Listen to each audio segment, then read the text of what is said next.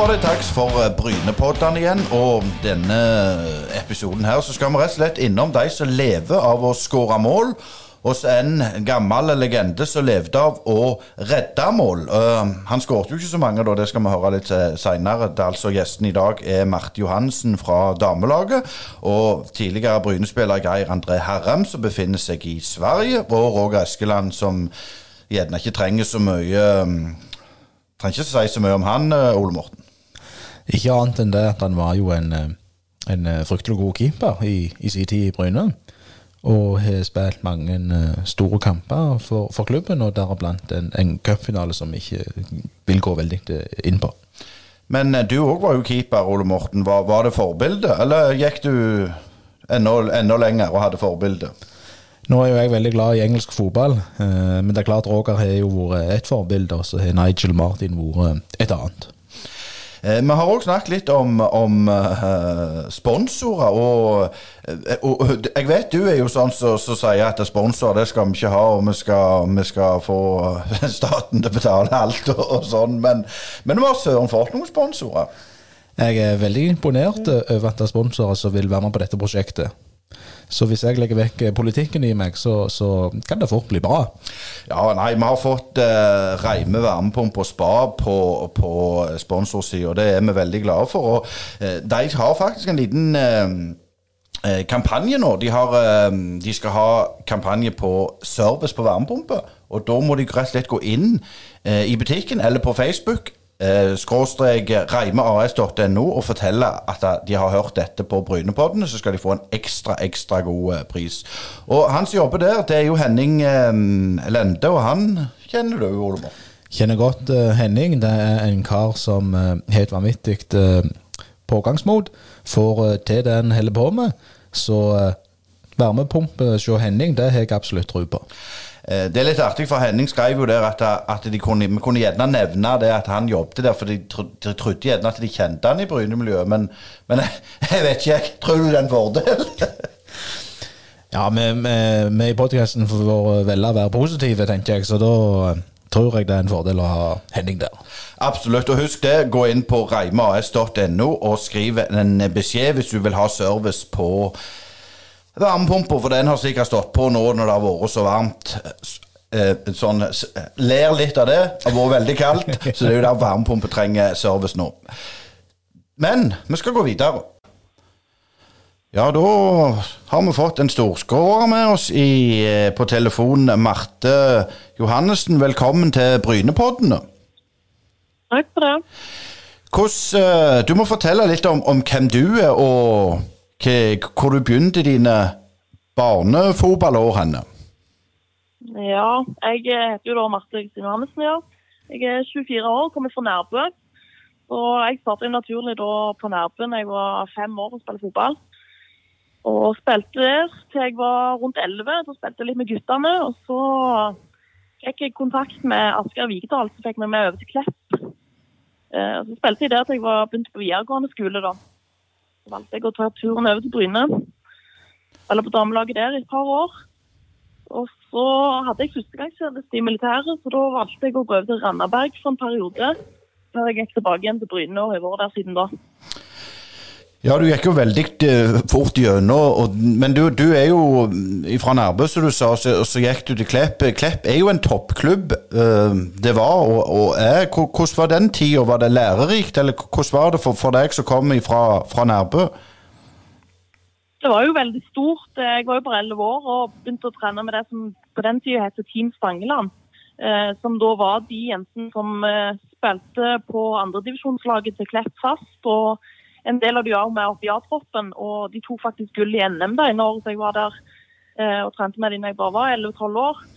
Så det var jo selvfølgelig veldig lærerikt å få være med de, og det var veldig gode trenere i både Asker Vigedal og Knut Eriksen som styrte på mye da. Eh, så det var jo selvfølgelig en veldig stor inspirasjon, og det var jo det, er jo det alle jenter drømmer om når de er små, og er jo spiller i Klepp.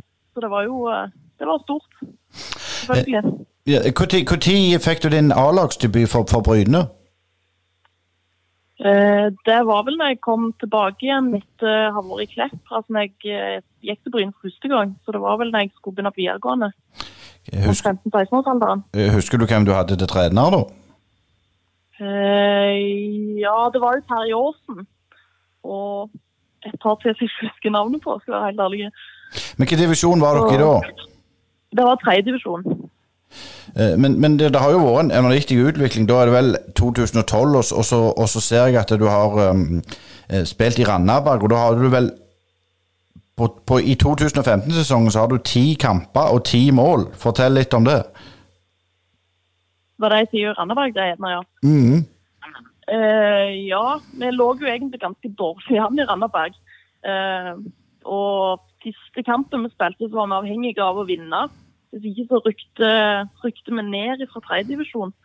Eh, og vi møtte Lura, som da jeg tror det var Lura vi møtte, og de var i samme situasjon, så taperen de rykte ned.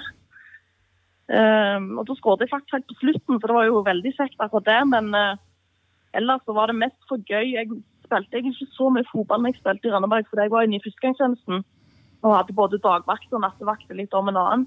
Som gjorde at jeg ikke fikk deltatt så mye som, som en gjerne ønsker når en spiller fotball. Eh, ja.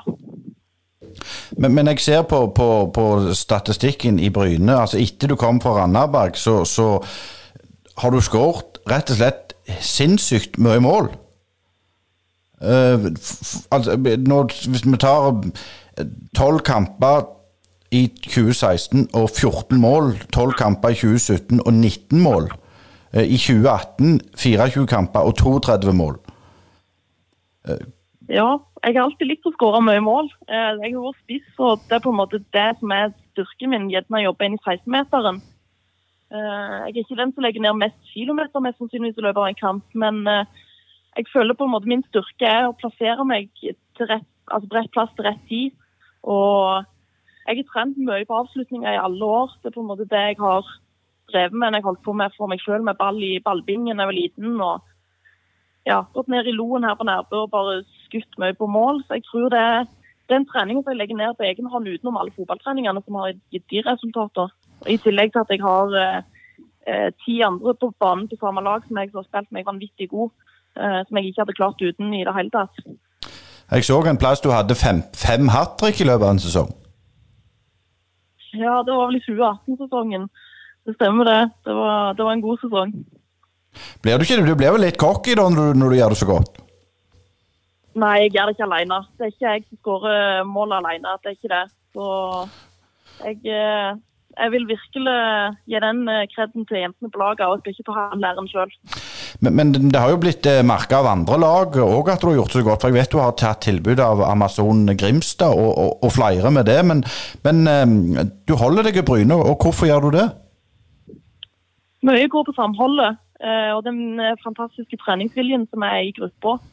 Eh, Og så har vi trenere som legger ned en eh, vanvittig god innsats og planlegger og bruker mye av sin fritid for at vi skal få de resultatene vi ønsker. Så hovedsakelig trivsel, og det sportslige blir da bare en bonus i tillegg. For at vi gjør det så godt. Så Nå, det mye det som kan. men hvordan har det på en måte det vært med, med, med, med herrelaget? Nå har vi jo hørt at Geir Pollestad fortalte til Brynepoddene for, for eh, noen uker siden at eh, damelaget bredden og, og skulle være li, likeverdige og satse hardt på dem òg. Hva, hva syns du om de signalene? Det er jo kjempekjekt å høre. Vi setter veldig stor pris på å bli inkludert, og vi opplever veldig mye inkludering nå, spesielt de siste månedene. Og det, det er positivt både for eh, oss som spiller på damelaget nå, og for de unge som kommer opp senere og skal, skal inn i damefotballen. Og ja, jeg tenker det er en kjempefin utvikling i klubben på det. Så det, det liker vi. Eh, nå har jo ikke alt gått eh, på skinner sånn fotballmessig for deg heller, så, som, som for ingen andre. Du fikk jo en stygg skade. Det var i 20... mm, Var det i 2018, det? Nei, det var i februar i 2019, så det er rett over et år siden. 15 måneder siden cirka. Eh, For, fortell litt om det, for du har jo faktisk vært ute siden den gang. Ja, jeg eh, Det var jo, Vi hadde jo spilt buss opprykks, eh, eller kvalifisering da, mot både Tromsø og Hønefoss i november. og Da røyk jo opprykket der på målforskjell. og Så la jeg ned en ganske god innsats den vinteren og tenkte at nå, nå kan vi enten legge oss ned på, eller så kan vi gi gass og satse på opprykk neste år. Så da trente jeg ganske godt den vinteren, og så spilte vi turnering borte i Sørlandshallen i Kristiansand. Og så gikk jeg på en uh, smell. Jeg ble trakla, eller ikke jeg ble trakla, men hekta litt bakifra av en uh, spiller i finalen der borte. Som gjorde at jeg da ødela kneet ganske stygt med litt korsbånd og leddbånd og skade i menisken og så et brudd i lårbeinet og litt sånn. Så da, da, ble det jo operasjon ganske fort, for jeg hadde et leddbånd som hadde krølla seg opp. Og da måtte de operere innen tolv dager. Så da fikk jeg operasjon etter ni dager. Og så bar det jo på krykke da i seks uker til etterpå, uten belastning i det hele tatt omtrent. Før en lang eh, opptreningsperiode. Så ja. Og Det som er litt sånn ironisk oppi det hele, for, for jeg forsto at du var mest sånn fit for fight rett før eh, det covid-19-viruset slo til? Ja, jeg var vel eh, så å si to uker fra å kunne prøve meg litt igjen i kamp. Så jeg følte jo jeg var rett med målstreken, og så ble målstreken bare fjerna. Så må jeg prøve å finne den igjen en gang. Men er du redd at du, du, ikke kommer tilbake til gamle Sunde, eller er det Sunde? Ja, det er jo ikke akkurat Sunde å skåre mål, men, men, er du redd for at du ikke kommer tilbake der du var? Jeg eh, har jobba hardt dette året, og jeg håper jeg får belønningen igjen for det nå senere, når sesongen starter opp igjen. Så forhåpentligvis er jeg eh, i samme sporet, men det er vel tid å vise. Men jeg har iallfall gjort det jeg kan for å kunne komme tilbake igjen forhåpentligvis sterkere enn noen gang. Hva, hva er målet med, med fotballen for, for, din del, Marten, og både med Bryne og for, for, din egen del framover? Med Bryne så blir det jo opprykk. Det er jo kun det vi, vi ønsker. Vi ønsker jo å komme godt i førstedivisjon, og vi tror vi virkelig kunne gjort det godt der. Uh, og at vi hører til i førstedivisjon. Men det er jo ei tøff pulje, så det blir uh, det er flere gode motstandere som, uh, som vil være med og kjempe i toppen om den. Personlig så har jeg jo egentlig spilt for gøy eh, de siste årene. Men så, så, er det jo noe når en legger så mye tid i det, og så får en jo lyst til å gjøre det godt. Og Da håper jeg jo at jeg kommer så langt jeg klarer. Men eh, jeg trives veldig godt i Bryne, så jeg håper jo målet mål og drømmen er jo å rykke opp med Brynes førstedivisjon. Det syns jeg skal være en, fin avslutning der, Marte Johannessen. Og lykke til med, med, sesongen, så får vi håpe at det blir fem hat trick uh, i år òg. Det hadde vært grevla gildt. Ja, og som sagt tidligere i denne podkasten skulle vi ta en liten prat med Geir André Herrem. Og, og Geir André, du sitter vel mest sagt litt koronafast i Sverige om dagen? Uh, nei, jeg skal ikke påstå man er så koronafast i Sverige. altså Her er man ganske fri til å gjøre som man vil. Så jeg var faktisk uh, en liten tur i Bergen og besøkte familien uh, nå en litt en ti dagers tid. Jeg kom tilbake i går. Ja, for det er, er, ganske store forskjell hvordan de har angrepet dette covid-19 i Norge og Sverige? Ja, det, det må man si er ganske ganske ulikt uh, de aller, aller fleste andre land. Men uh, ja, det, begynner, det er vel tegn på at, uh, at det kan ha funka. I hvert fall svenskene som jeg har prata med, de er veldig fornøyde med taktikken de har valgt.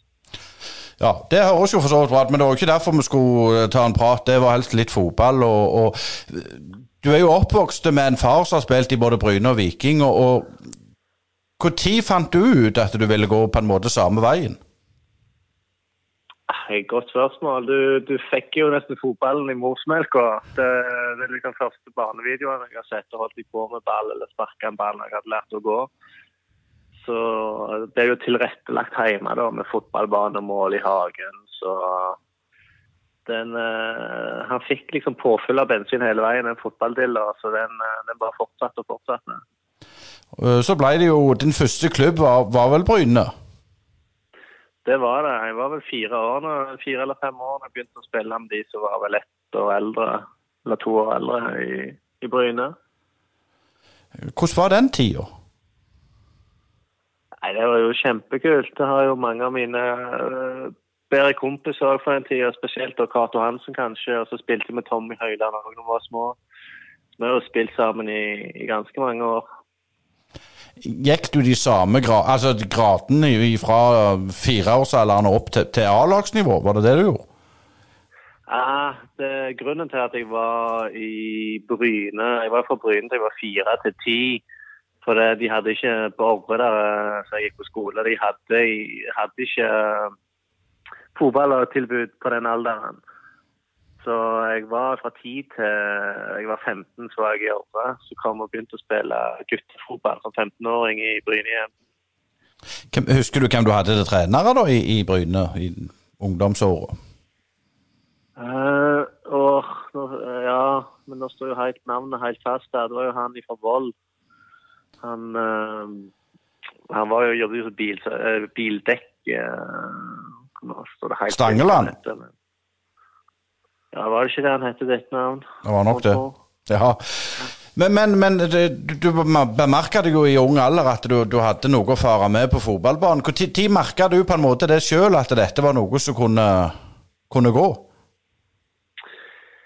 Uh, nei, uh, jeg var jo litt sånn og fløy litt på talent i ungdomstida, men uh, så var det ikke egentlig før jeg var 19 år jeg nesten bestemte meg for at etter en prat med Magnus Johansson av alle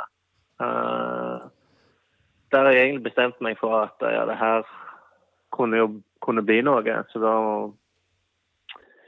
da, da gikk man inn for det. Du var jo i Bryne i, i 2007. Var det da du fikk debuten? Jeg fikk aldri debuten da, dessverre. Eh, men jeg fikk min første kontrakt da. Eh, når Alfing Haaland var sportssjef. Signerte han meg og meg og Oddgeir Salte rett før, rett før jul. Som fikk en julegave fra, fra Bryne. da. Ja, Så ble du lånt ut Ålgård mest rett etterpå? Ja. Hele neste sesong. Og så uh, ja, håpet jeg på en ny fresh start da, med Rolf uh, Teigen som trener.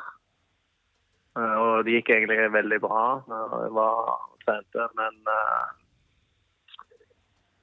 de var ikke interessert i å ha meg. Så ble det et nytt utlån. Uh, da prøvde ville egentlig Bryne hente meg tilbake om sommeren.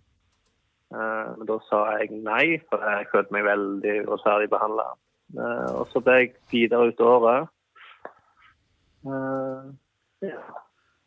Så sånn var det. Så gikk det jo til Babelsberg i en regionsliga i Tyskland.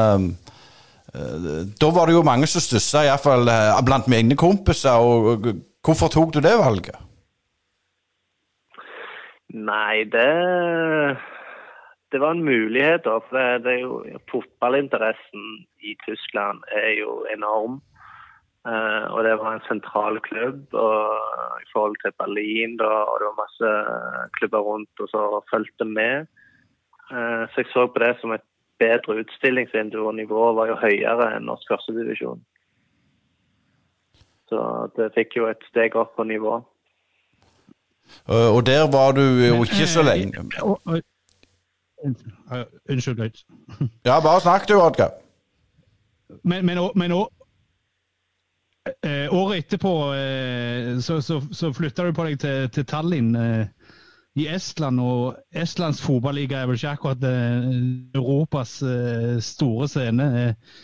Var det, hva var det tanken rundt i den tida, når du gikk dit, Gerandre? Gandre? Eh, tanken var litt annerledes enn hvordan det ble da, nivået. Så du sier, det var, det var alt ifra De to beste lagene de holdt bra nivå, to-tre beste lagene. Men de andre det var typ ned til tredje-fjerdedivisjonsnivå på de dårligste lagene i den øverste ligaen. Men tanken bak det var at jeg fikk en skade på slutten av karrieren i Tyskland, og når jeg ikke valgte å fortsette der, eh, så trengte jeg komme til en liga der jeg skulle få bygge meg opp. Men de hadde òg samarbeid med en nederlandsk klubb som heter Vitesse.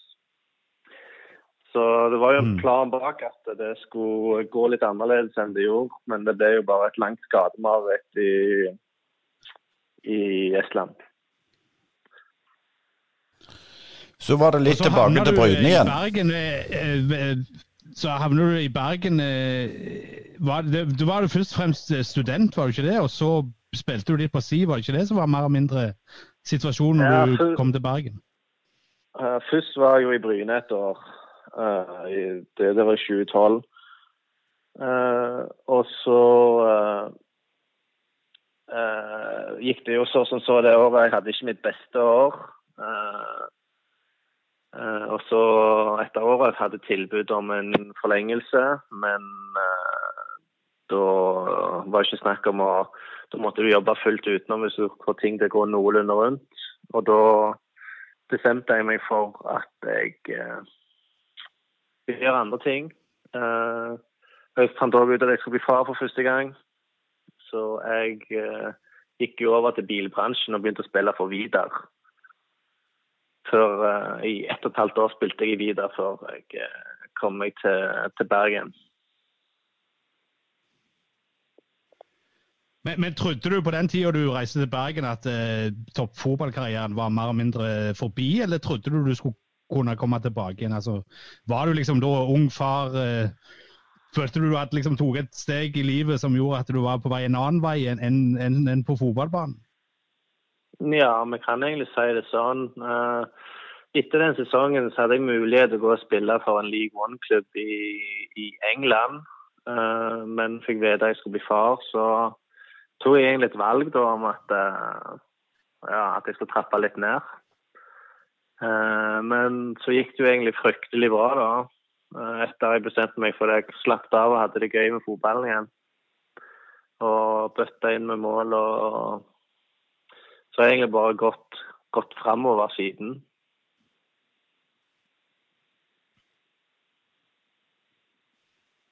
Ja, Øystein? Ja, så ble det jo i Bergen en stund, og Åsane gjorde det som sagt veldig godt. Og så uh, kom Bodø-Glimt på banen. Ja, det stemmer. Jeg hadde en fin, veldig fin tid i Åsane. Det var en veldig fin gjeng. og, og fortsatte å stemme med, med, fotballen der da. Og så, som du sier, så kom, eh, kom Glimt på banen. Uh, men det første året der kan jeg ikke si ble som jeg hadde blitt forespeila fra, fra, treneren. da. Det ble jo et år på benken, og de fortsatte å spille med han samme selv om uh, Glimt lå i, i bunnstriden og fikk mine fem minutter på slutten. og ja, var egentlig ganske frustrert. Ja, for jeg vet jo du var vel litt ute i, i avisen òg og, og, og, og, sa at du ikke var helt fornøyd. Det, hvordan takla Bodø-væren det når du går ut mot, mot stolt, byens stolthet?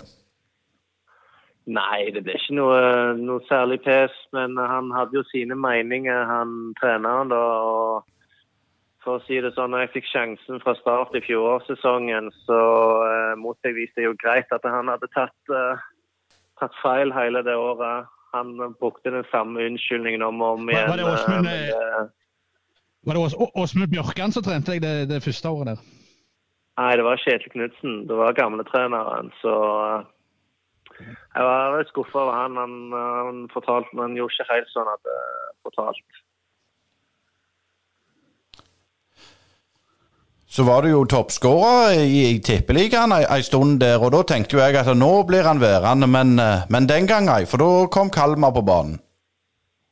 Ja, uh, nei, det så veldig bra ut. Uh, men man begynte jo å se gamle tendenser fra treneren. at ja, at han, begynte sånn som han hadde vært tidligere. Så jeg følte ikke jeg kunne stole på han og være der lenger. Eh, og så dukket det opp et tilbud fra Sverige som eh, jeg til slutt valgte å, å hoppe på. da. Men sånn som vi ser gjennom karrieren din her, Geir André Det er klart, når, når de får en sånn en spiller som deg, så får de jeg skulle til å si, de får, de får, jo en eksplosiv kar på mange måter, og du tar sikkert mye plass i, i eh, ei spillergruppe, har, har, jeg tenkt. Altså, Det er ikke noe negativt, men det er det jeg har lyst til å spille på tilbake litt til Bryne. Er det plass til sånne folk og spillertyper som deg i en klubb som Bryne i dag, tror du? Ja, men det bør det være. Men jeg må nok skuffe deg litt. Jeg er ikke den som tar mest plass. I, kanskje var det når jeg var litt yngre, i junioralderen. Men når jeg kom opp eh, på A-laget med Ronny Espedal og Roger Eskeland og de her guttene, så ble man jo fortsatt på plass hvis man var litt eh, var litt cocky. Så man lærte jo å, å, å bli ydmyk, da.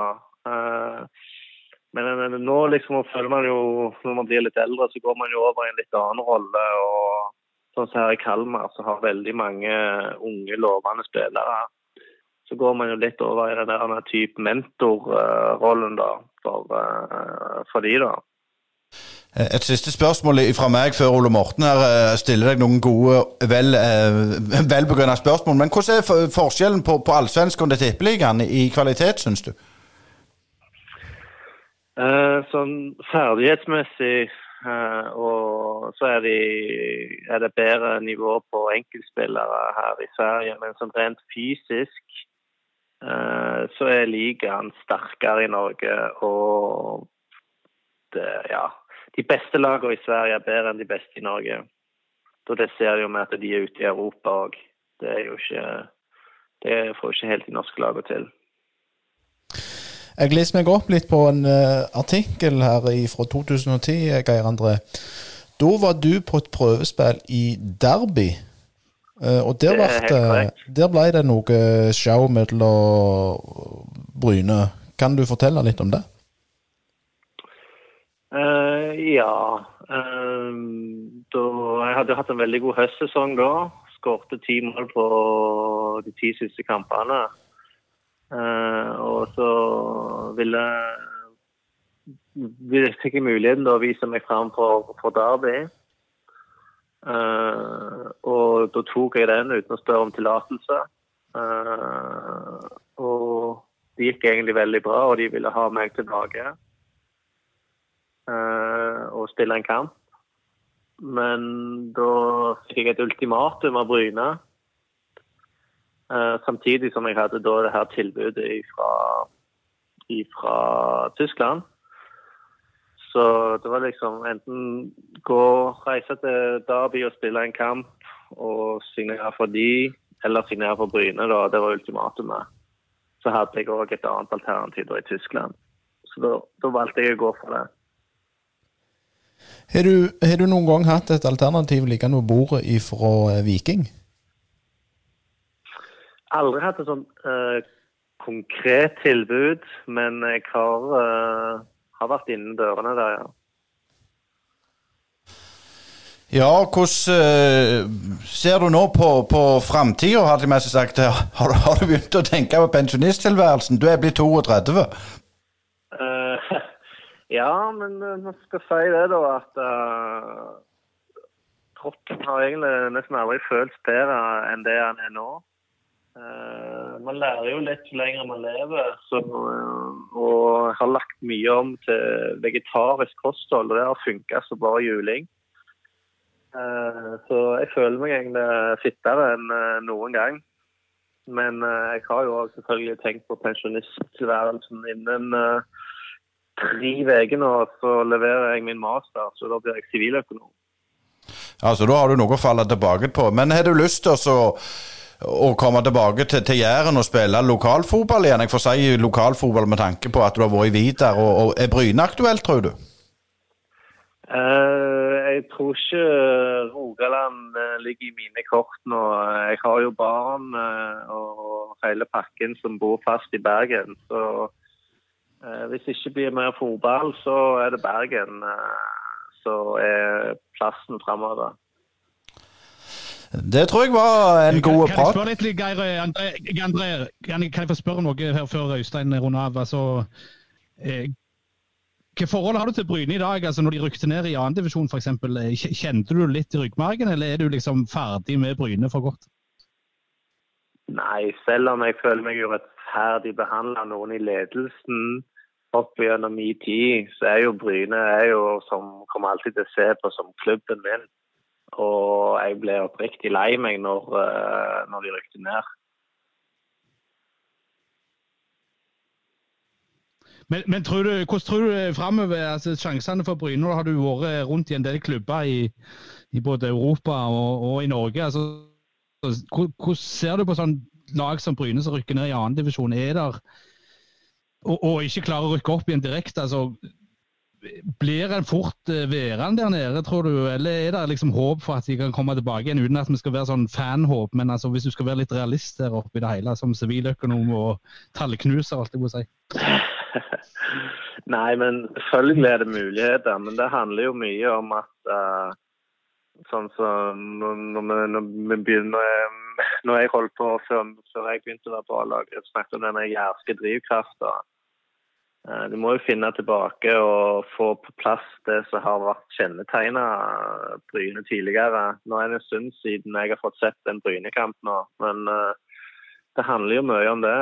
Og at jeg får den råskapen og, og ja, ting på plass. Og både ledelse og spillermessig. For... Det er en veldig spennende type i Even Sele, så kanskje bør få mer tillit etter hvert og heller gi han litt tid til å bygge opp noe. For å runde av med noe positivt, eh, Geir André. Hva er ditt beste minne for karrieren som brynspiller? Bryn-spiller? Uh, nei, jeg undrer på om det mest må være uh, frisparkmålet borte mot Ullskisa i 20... 2012 så var vi på å sikre Eller så egentlig så sikre plassen det året. Ja, Da takker vi for, for praten, Geir André. Så får vi håpe at, at, du, at fotballen kommer i gang igjen og, um, så fort vi, vi, er klar. Og lykke til med ny sesong i Allsvenskan for Kalmar. Takk for det. Så må vi håpe det sparkes i gang snart. Ja, god kveld eh, og velkommen til Roger Eskeland, som eh, har gjort en eh, tilsynelatende comeback i Bryne etter noen år eh, som langveisfarende i andre klubber i både regionen og på landslag. Eh, Roger, hva, hva som skjer, holdt jeg på å si? Hvordan eh, fikk du for deg at Bryne var neste stoppested? Um, ja, hvordan var det? Nei, men Bryne har jeg vært i siden jeg var 16 år. Um, og jeg bor på Bryne. Har uh, unger som har spilt i Bryne, og har unger som spiller i Bryne. Um, og så fikk jeg en telefon på ja, rett over nyttår fra, fra Ingebrigt Aarbakke om, um, om, det kunne være interessant å, å, å bli med i, i, klubben igjen på um, ja, hovedsakelig styre og i et sportslig utvalg. Og uh, ja, jeg diskuterte litt med Ingebrigt og, og snakket litt med andre folk og fant ut at dette, dette var noe jeg hadde veldig lyst til. Um, og fikk um, Ja, jeg så jo at det var en del uh, nye som var på vei inn i styret. Uh, og Bryne som klubb, eller herre A-lag, hadde en ikke altfor god sesong i fjor. Uh, så da tenker jeg at nå er det mulighet til å komme inn og bidra. og jeg tror at det er store muligheter for at eh, klubben igjen kan begynne å klatre oppover. Som, eh, som gammel Bryne-spiller, eh, den sesongen i fjor Jeg regner med du fulgte jo med på den. altså hvordan var det å være på utsida og se hva som skjedde i fjor? Altså for deg, Hvordan virka det for deg å se på det som skjedde i fjor? Det var ikke spesielt gledelig å, å, se det som skjedde med, med herrelaget. Det, det, var mye gledelig som skjer i klubben ellers. Damelaget har jo prestert godt over, over mange år. Eh, kom opp en del yngre eh, som gjør det godt på, på ulike landslag. Eh, så det er mye positivt som skjer. Men, men når det gjaldt, eh, gjaldt herrene, så var det en, en spesiell sesong. Og, og hvis en ser nå i etterkant så ser en at, at A-laget tok 1,04 poeng eller noe sånt per kamp, og det er jo veldig, veldig uh, ja, dårlig, rett og slett. Og det, normalt sett så fører det faktisk til, til nedrykk, hvis du ser statistisk på det. Så, så det var en, uh, en skikkelig trøblete sesong. Uh, sikker grunnet mange forskjellige årsaker. Ja, men, men, altså Var det noen ganger i løpet av den sesongen at du tenkte med deg sjøl altså, som gammelt spiller at nå går det ned i tredjedivisjon her? Ja, han var i hvert fall nervøs. Eh, folk som følger med Bryne og, og bryr seg, så, så, så var han jo eh, bekymra en periode der. Eh, nå var han jo eh, Nå gjorde heldigvis Sola og Vidar eh, eh, en sesong godt under paret, de òg, og, og det gjorde at til slutt at Bryne klarte å berge plassen, heldigvis. Vi skal komme bitte litt tilbake til det du skal drive på med framover i klubben. Men jeg har lyst til å la lytterne få litt innsikt i hva som skjedde med Roger Leskeland etter han la hanskene på hylla. Først eh, begynte du som keepertrener i Bryne, og så vandra du litt rundt. Kan du fortelle litt om hva du har gjort i disse årene så du ikke har spilt aktivt? Ja, jeg eh, Som du sier, jeg hadde vel to år etter jeg la opp som spiller i, eh, som keepertrener i klubben. Eh, og så var det et eh, Fikk et tilbud om å trene Klepp sitt damelag. Og så vurderte jeg det veldig seriøst eh, om jeg skulle på en måte skifte beite på en måte for å, å prøve noe nytt. Og så var jeg ganske på glid i forhold til det prosjektet, men så, så ringte en tidligere lagkompis av meg, Asle Andersen, eh, som, som trente Sandnes Ulf, og, og lurte på om det var, var mulighet for å, at jeg kunne komme inn der.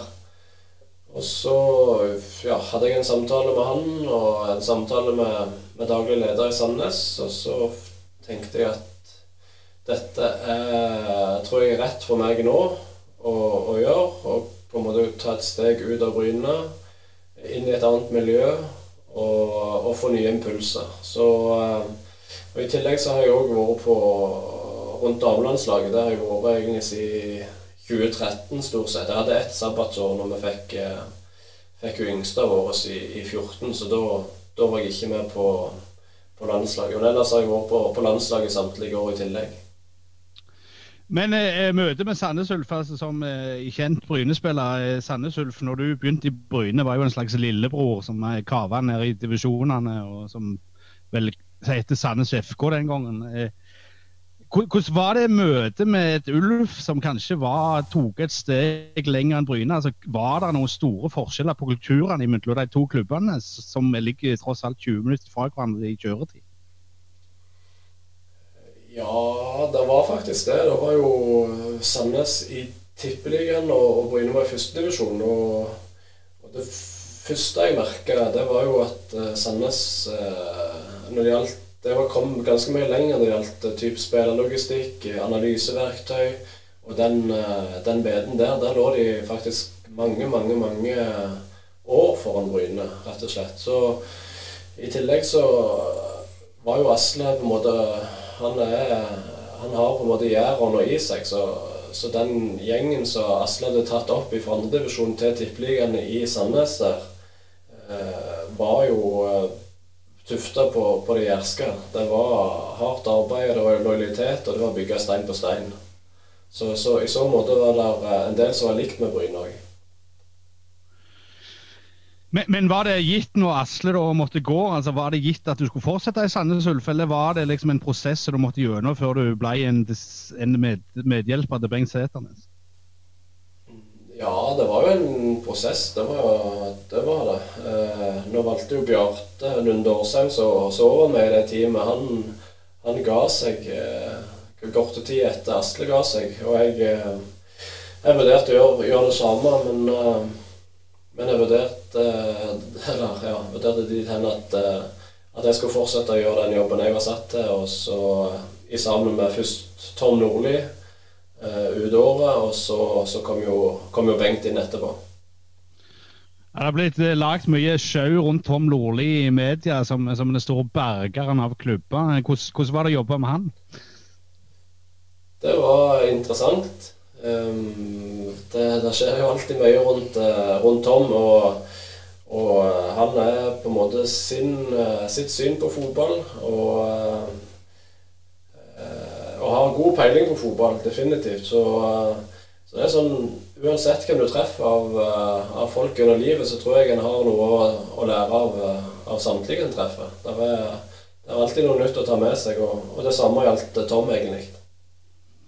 Eh, når du forlot Sandnes, så skjedde det jo litt eh, i det stille. Altså, jeg husker jeg så en eller annen eh, nyhetsartikkel der det ble nevnt at du hadde slutta, uten at det ble de store overskriftene på forhånd. Eh, Hva hva var årsaken til at du slutta i Sandnes?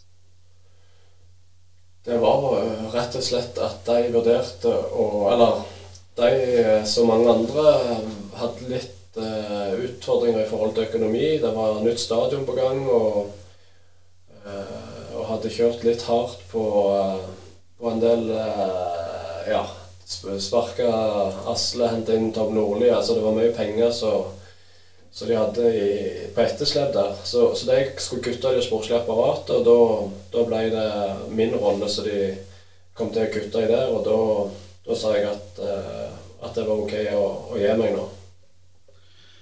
Det er jo en, en del i vår region som har drevet som trenere, som har på en måte forsvunnet litt ut. Eh, Asle er jo en av de, er vel lærer på Sola i dag. Eh, og Bengt Sæternes gikk vel over i en slags rolle rundt damelaget til Viking osv. Altså, hva tenker du da når du, når du må legge, legge inn treningshanskene og gjøre noe annet? Altså, er det sånn at du vurderer da, skal jeg jobbe med fotball, skal jeg finne på noe annet? Du har unger, selvfølgelig, alt sånne ting. Altså, hvordan er den prosessen der, når du på en måte tar et steg ut fra fotballen? Ja, det er jo litt spesielt. Eh, fotball er noe jeg har på en måte eh, styrt med siden jeg var, var liten, men, men nå eh, altså aktivt eller profesjonelt siden jeg var 16. Eh, men har mange år da jeg spilte, og, og sjøl etterpå hatt eh, litt andre ting å gjort eh, utenom, eh, utenom fotballen. Det syns jeg er fint. Enten med studie eller med med litt sånn deltidsjobb i, innenfor læreryrket, eller litt innenfor barnevern. I hvert fall så omhandler det å jobbe med folk, så jeg syns er veldig inspirerende og kjekt. Så, så jeg, sånn er det vært nå òg. Jeg gjør litt utenom fotballen. er det landslaget, så er jeg litt på Vang toppidrett. Og så har jeg vært litt på Høyland skole, som ligger mellom Bryne og Nærbø. Så, så det er litt sånne ting hele veien, og det, det syns jeg er veldig fin balanse. Da har jeg litt fotball, og så har jeg litt andre ting. Men eh, når du har sagt ja til å gå inn i Bryne nå, så eh, etter så jeg forstår, så er det ikke snakk om at du skal ha noen sånn fulltidsstilling i klubben, men det er sånn gradvis eh, innfasing, holdt jeg på å si. Eh, hva blir primæroppgaven din nå framover? Ja, primæroppgaven er vel først eh, må jeg bli valgt inn i et styre. Eh, det, det skjer jo ikke før 28. mai, så, så der kan det jo plutselig komme et benkeforslag at jeg ikke havner inn. Men hvis jeg kommer inn i et nytt styre, så, så, så er det egentlig bare et vanlig styreverv jeg skal ha. Eh, I tillegg skal jeg være med i et sportslig utvalg eh, bestående av Vegard Landro og Arne Kjåland i tillegg til meg. Jeg skal inn der istedenfor Hans Olav Rette, som har vært vel de siste tre-fire åra, tenker jeg han har vært. Så eh, det sportslige utvalget er jo mer et slags rådgivende organ, eh, hvor en på en måte har litt dialog med, med trenerapparat og, og kanskje et slags bindeledd mellom styret og, og, og, og trenerapparat. Sånn som jeg har forstått det hadde fungert tidligere i hvert fall. Så må en se om det kanskje skal endres der, eller om det skal fortsette sånn som det har vært. Det, det må, må eventuelt styret ta stilling til, tenker jeg. Eh, nå er det jo noen år siden jeg har vært voldelig tett på klubben, men eh, et inntrykk som har eh, forma seg hos meg de siste par-tre sesongene, eh, er vel kanskje det at Bryne fremdeles er gode til å utvikle talent, men problemet etter at en rykker ned i andredivisjon, er det at eh, de talentene forsvinner i samme alderen som du forsvant fra Feda i din tid, altså rundt 16 år. Eh, er det noe går an å gjøre med sånne ting, eller er det bare et, et direkte resultat at den er en, et hakk lenger ned? Ja, det er sant som du sier. Hvis en skal gjøre noe med det, så er det kanskje det enkleste og kanskje vanskeligste det er at du må rykke opp en divisjon. Eh, Det vil være en eh, enklere måte å beholde de, de ungguttene på. Når det er sagt, så er det jo eh, og sånn som du sier, det er ekstremt positivt å se at, eh, at klubben utvikler så mange eh, landslagsspillere både på guttesida og på jentesida. Eh, Mange av spillerne på yngre jentelag de går ut til Klepp Og, og mange av de andre har havna i, i klubber i inn- og utland, vel, av de som har på en måte vært flaska opp i Bryne. Så Even hadde vel en sånn oversikt over det. Det var kanskje var det 11 eller 14 spillere i løpet av de ja, 9-10 siste åra som uh, hadde aksla Bryne-trøye, og mange av de uh, oppfostra i Bryne, som nå spilte i, i, i, større klubber og på et høyere nivå, og i tillegg hadde vært innom eh, landslag. Og det, det, er jo veldig, veldig kjekt. Men, men å beholde det i klubben, det tror jeg da er vi avhengig av at, at Bryne rykker opp et nivå igjen.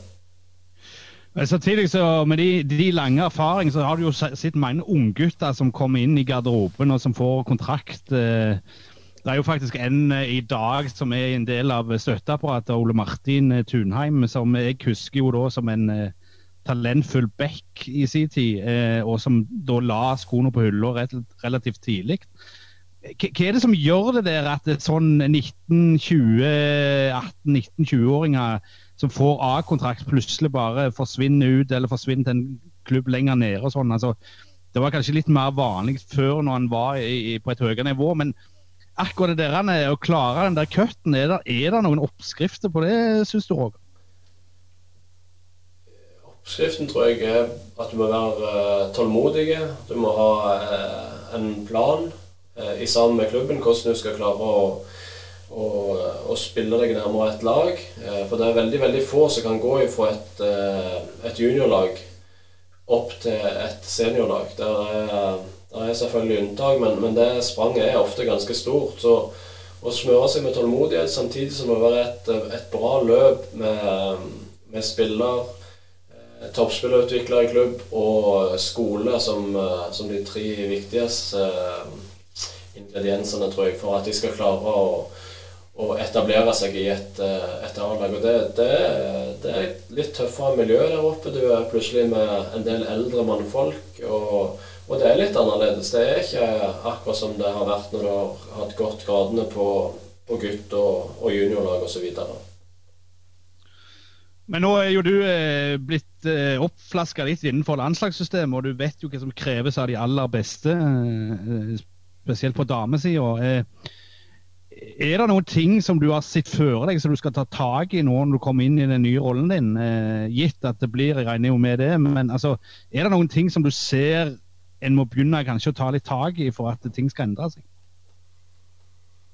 Ja, som du sier, så er det som jeg først blir valgt inn. Og, og, og dette her er jo eh, Jeg tror alle som kommer inn i, i Bryne, har uh, sine meninger når de har stått på utsida. Og jeg tror det har vært bra for meg å stått litt på utsida og, og fått fått sett eh, eller opplevd det eh, på den sida. Og så, så vet en jo at hvis en skal klare å gjennomføre noe, så må en gjøre det sammen med andre. Og, eh, skal en, og det mener vi Det er ikke noe one man-show verken ifra,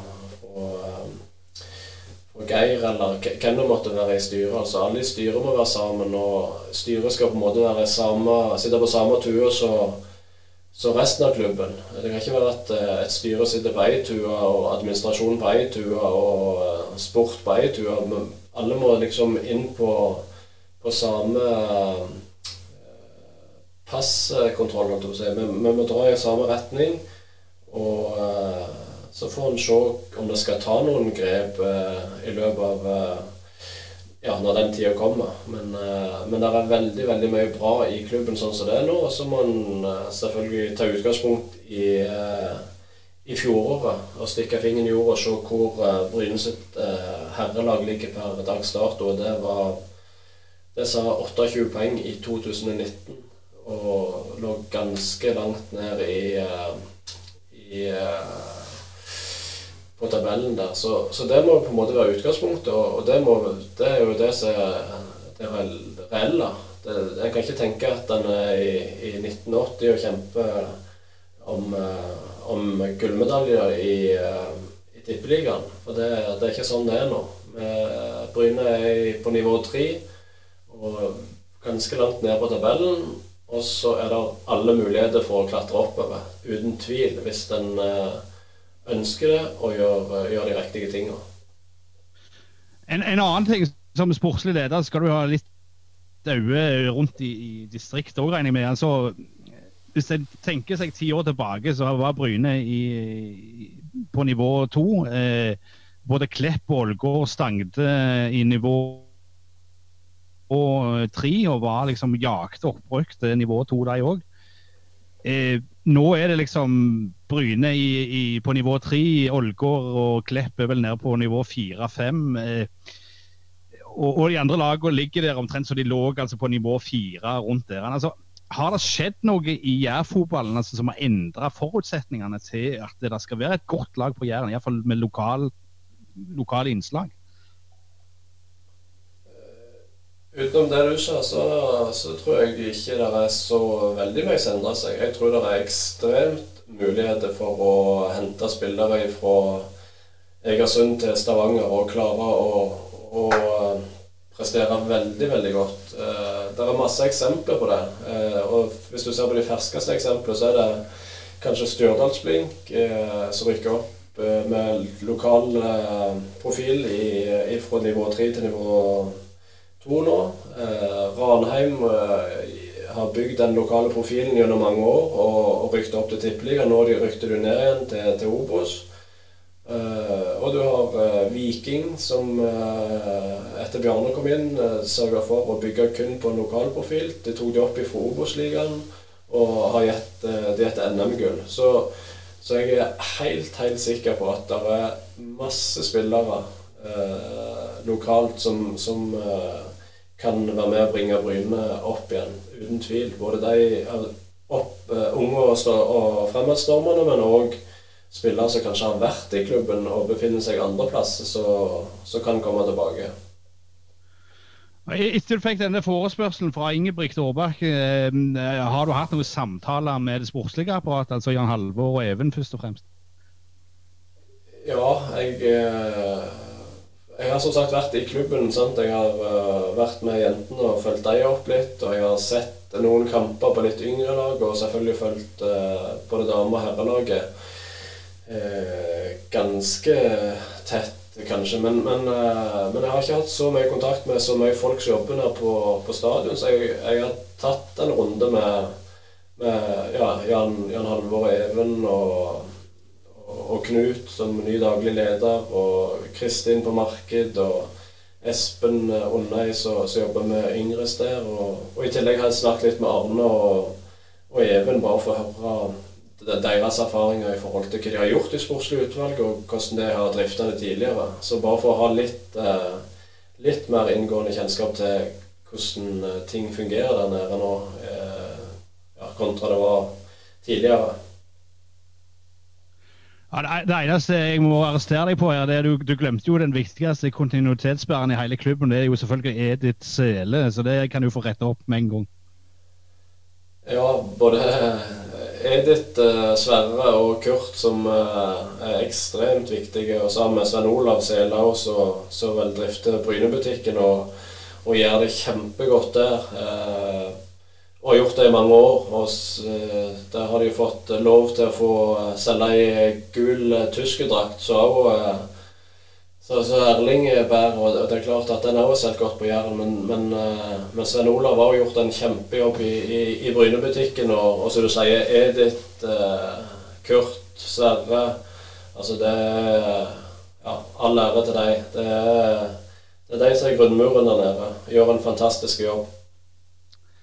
Men eh, så når du skal inn i, i denne posisjonen som sportslig leder, altså hva tar du med deg av filosofi? altså Hva vil du si grunntankene til Roger Eskeland i denne stillingen?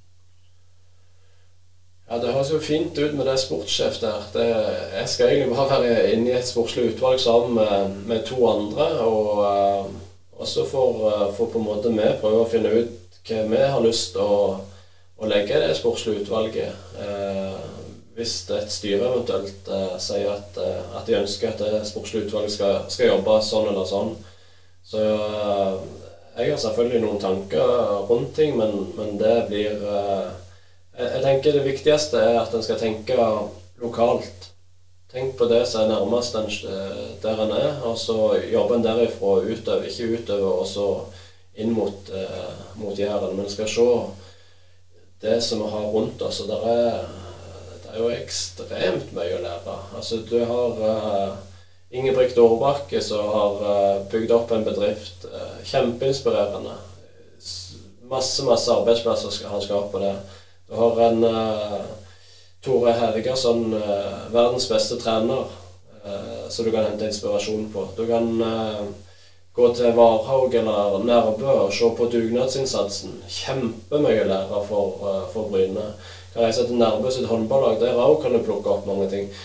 Eh, masse gode spillere i, i lokalfotballen eh, nedover. Varhaug, som spiller på vel nivå eh, fem. Mange unge talentfulle som har vært med Bryne i, i treningskamper nå i vinter, internkamper før koronakrisen. Hevder seg veldig godt. Så, så det er, er, masse, masse godt på Jæren, hvis en bare ser godt etter. Ja, Da får vi slippe til unge herr Nygaard med noen spørsmål, siden han sitter laglig til for hogg. Ja, det var ikke verst det du slepte meg til der, Asgeir. For uh, vi må jo litt innom Roger sin fantastiske fotballkarriere. Og det som er litt interessant, han er jo faktisk samme generasjon som meg. Og du har jo over 500 kamper for Bryne. Um, en kontinuitetsbærer av de sjeldne. Vi, vi, bruker det legendebegrepet, men, men det er klart du er jo og blir en Bryne-legende. Fortell litt om, om, dine oppturer og nedturer på, på fotballbanen.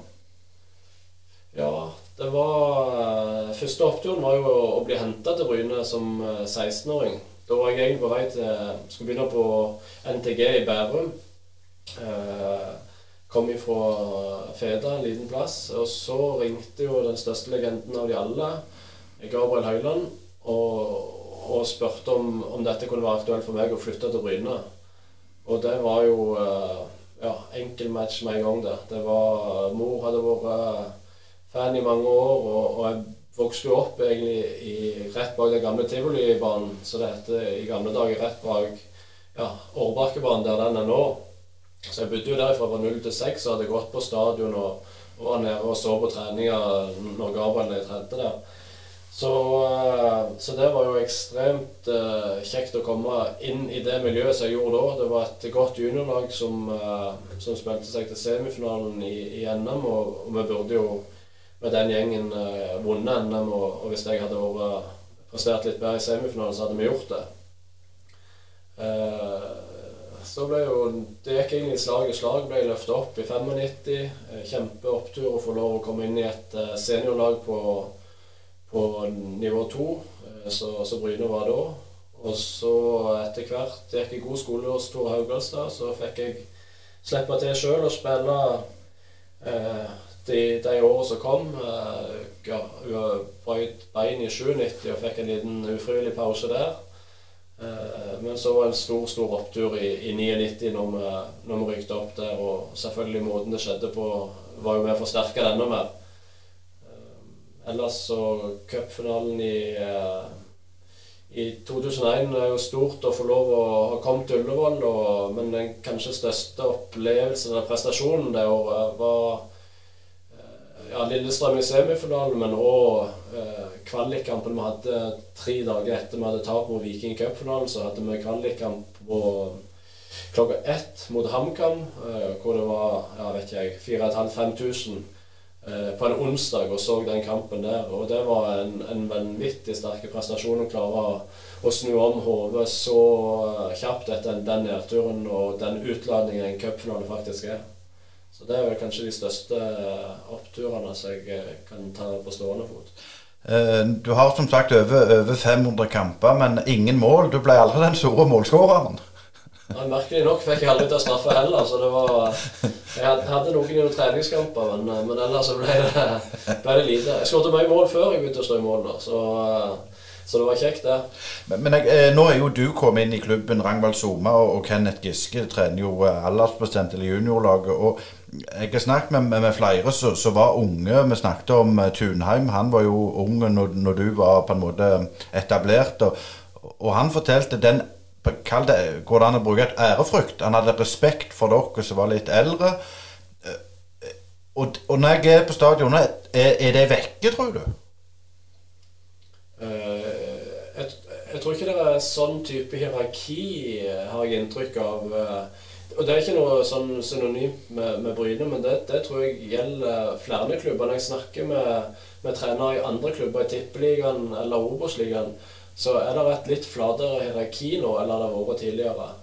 Uh, og det Der er ulike typer, men det er litt kanskje for flatt hierarki. og det en, en, trenger på en måte forskjellige typer, men en trenger de som stå, tør å stå fram òg. Jeg må bare komme med en liten reklame med den Last Dance med, fra eh, Michael Jordan der. Det, det er en sånn serie som kan inspirere mange av de unge fremadstormerne i lag òg. Og, og den forteller mye om hvordan hierarkiet kan være i klubber, selv om han var ekstrem. og sant? Det var en verdensener av dimensjoner. Men, men, en sånn type hierarki og sånn så, så dette hadde basket og, og Chicago Red uh, Bulls eh, bygde laget eh, og satt sammen en tropp der. Det er vanvittig fascinerende, og det, og det er det det handler om i Bryne òg. Bare sett det fra utsida og snakke som Roger Eskeland som tilskuer i fjor Eh, så følte jeg kanskje ikke den troppen Han så ikke vel, veldig sånn uh, harmonisk ut på banen der. Det, det, var mye gode spillere, men det var for mange som drog i forskjellige retninger, så det ut som for meg. Så, så, uansett om du har som du sier, om du har Ragnvald Some eller en Asle Andersen eller Kai Ove Stokkeland, som er sterke personligheter på, på sine områder, så, så så er det viktig å dra samme retning, og det, der var det kanskje lite eh, miss i, i fjor i, i sammensetningen av stallen i Bryne.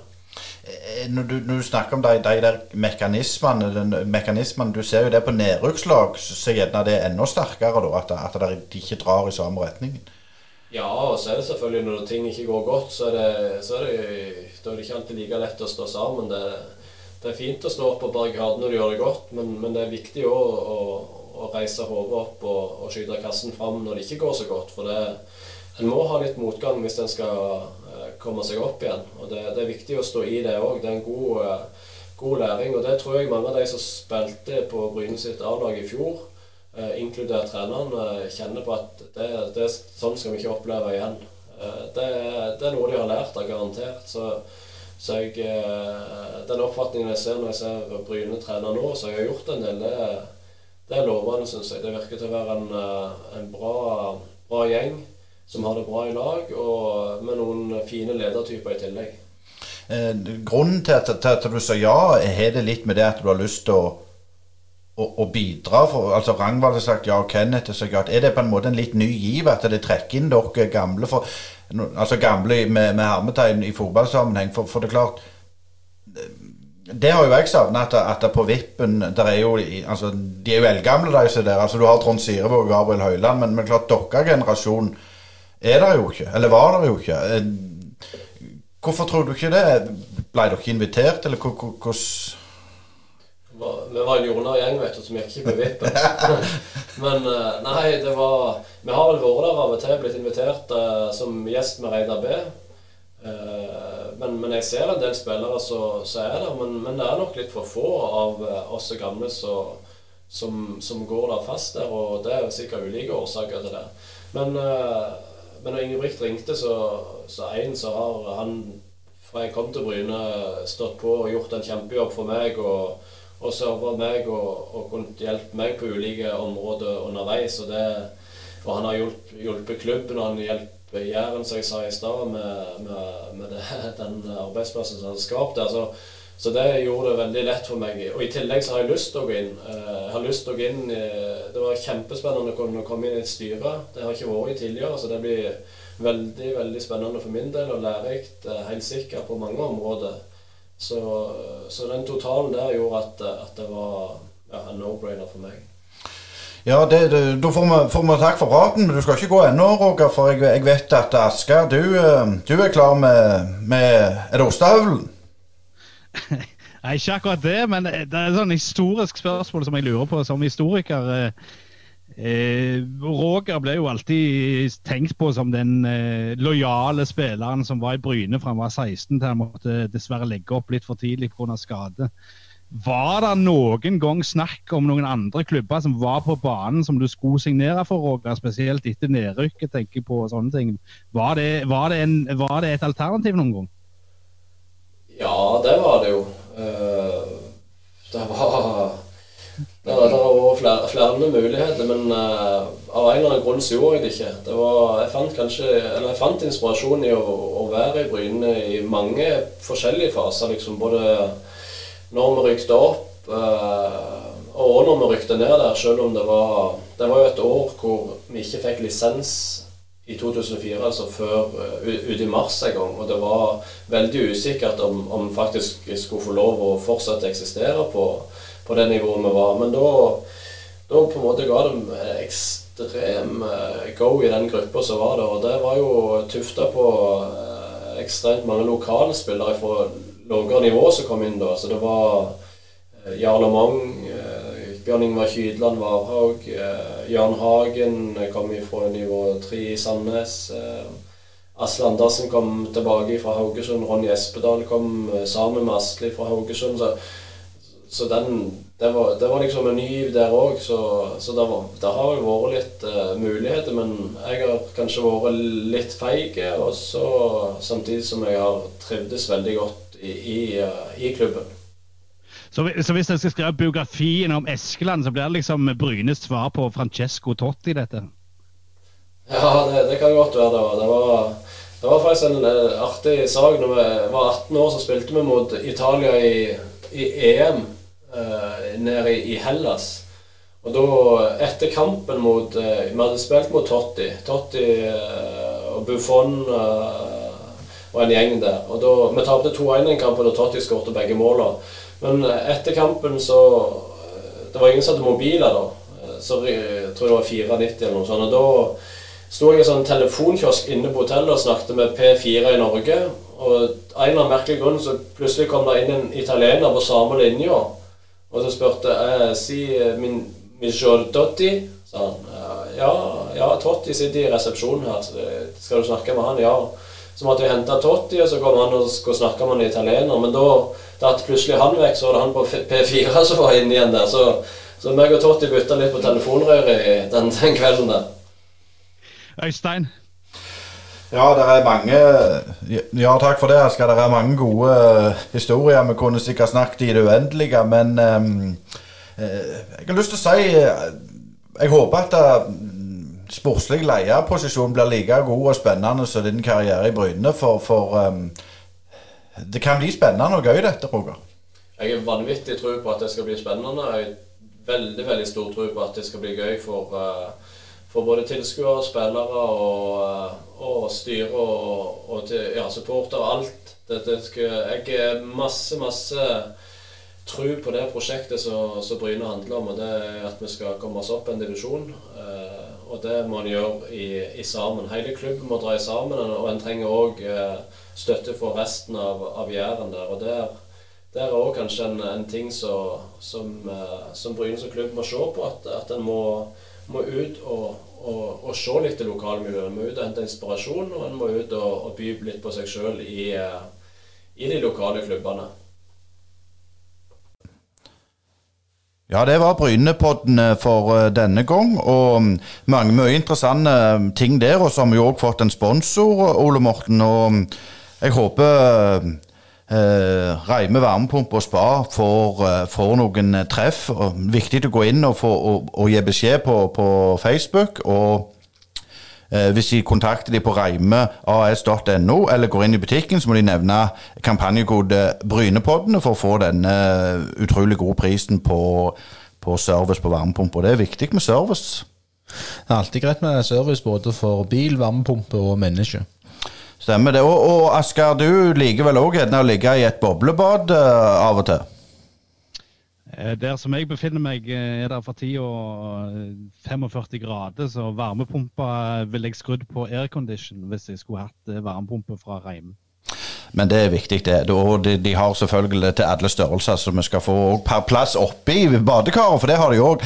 Men, men hva, hva syns du, Asgeir, om, om, um, om, intervjuer vi har hørt i dag, både på Marte, Geir André Herrem og Eskeland? Ja, For det første, for min del er det jo interessant å få høre litt om, om damelaget til Bryne, som eh, er et fenomen som på en måte har markert seg eh, de siste åra, som jeg ikke vet for mye om sjøl. Jeg syns vi fikk en god innsikt i hva som foregår rundt laget, og hvilke mål de har. og at, eh, at de har som mål å rykke opp og, og bli da et, et eh, lag på nivå to, altså hakk unna Klepp. Ole Morten, hva, hva, har du noe erfaring med, med hvordan de jobber i damelag? For, for, det ser jo veldig, veldig profesjonelt ut. Det er veldig profesjonelt, og de har en veldig flink trener i, uh, i Terje Nesse, som, som, legger mye tid i, uh, i damelaget. Og jeg vil anbefale alle der ute å følge fylle damelaget. Det ble mer og mer folk på kampene. Så det er god stemning der. Så det er bare opp. Veldig kjekt å få høre. Og ikke minst fra, fra Roger Eskeland så hadde betraktninger om det med, med seg beit merke med at det var, det var, forskjell på hierarkiet i klubbene. Sånn som han var der, så var det veldig tydelig hierarki, og, og det var nytt for meg. Jeg vet ikke hva dine tanker om det, Asker?